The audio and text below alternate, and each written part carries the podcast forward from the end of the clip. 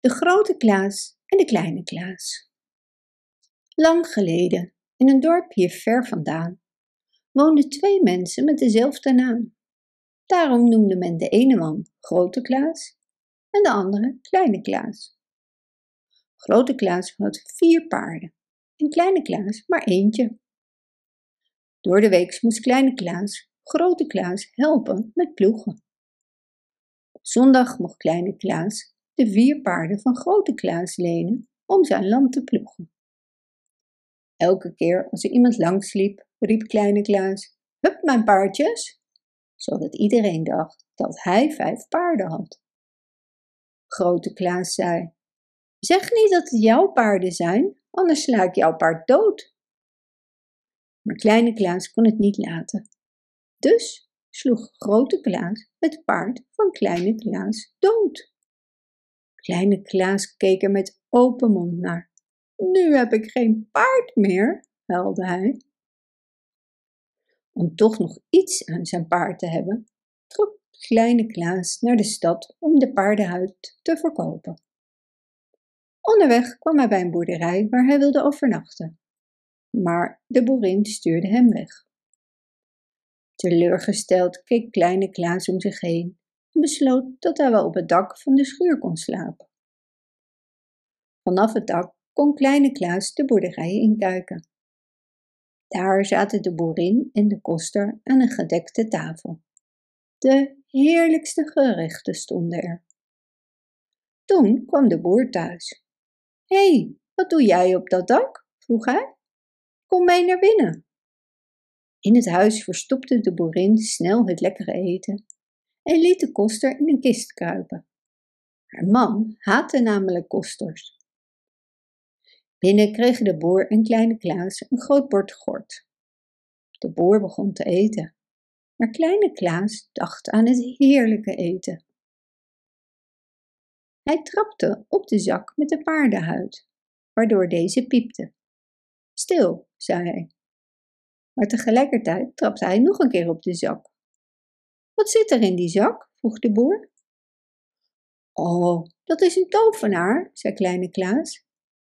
Hij zegt dat hij de hele oven vol heerlijk eten en drinken getoverd heeft.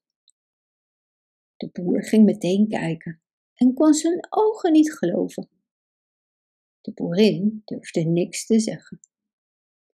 Vele glazen wijn later vroeg de boer: Kan jouw tovenaar de duivel tevoorschijn toveren? Die wil ik wel zien. Natuurlijk, zei kleine Klaas. Maar hij ziet er wel uit als een koster. Goed dat je me waarschuwt, want ik haat kosters. Maar ik ben wel benieuwd. Kijk dan maar in die kist. En dat deed de boer.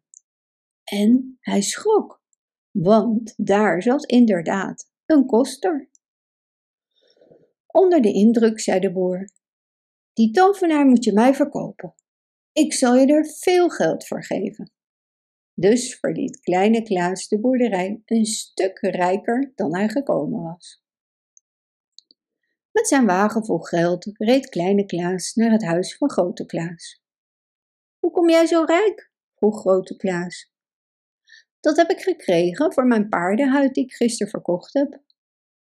Dat wilde grote Klaas ook wel. Dus sloeg hij ook zijn eigen paarden dood en trok hij naar de stad met de huiden. Maar hoe hard hij zijn best ook deed, niemand wilde zoveel betalen voor de huiden. Boos keerde grote Klaas terug naar huis.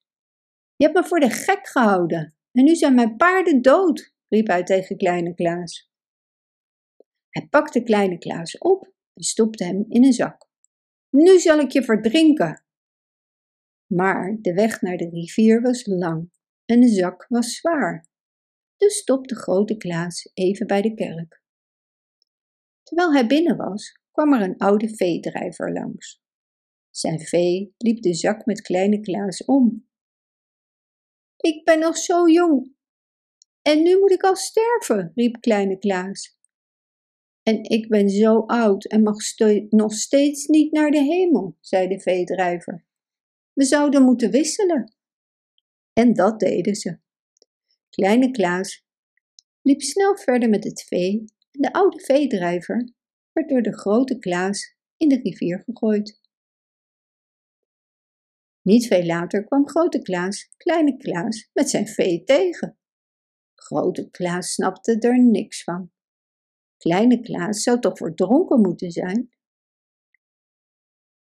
Ik ben verdronken, maar dit is watervee. Dat kreeg ik toen ik op de bodem van de rivier kwam. Dat wilde grote Klaas ook wel. Dus kroop hij vrijwillig in een zak en liet hij zich door kleine Klaas in de rivier gooien. Hij zonk meteen naar de bodem. Ik denk niet dat hij vee zal vinden, dacht kleine Klaas, terwijl hij tevreden met zijn nieuwe bezit richting huis wandelde. Bedankt voor het luisteren. Wist je dat je dit verhaal ook op onze website ririro.com/nl kunt lezen, downloaden en printen?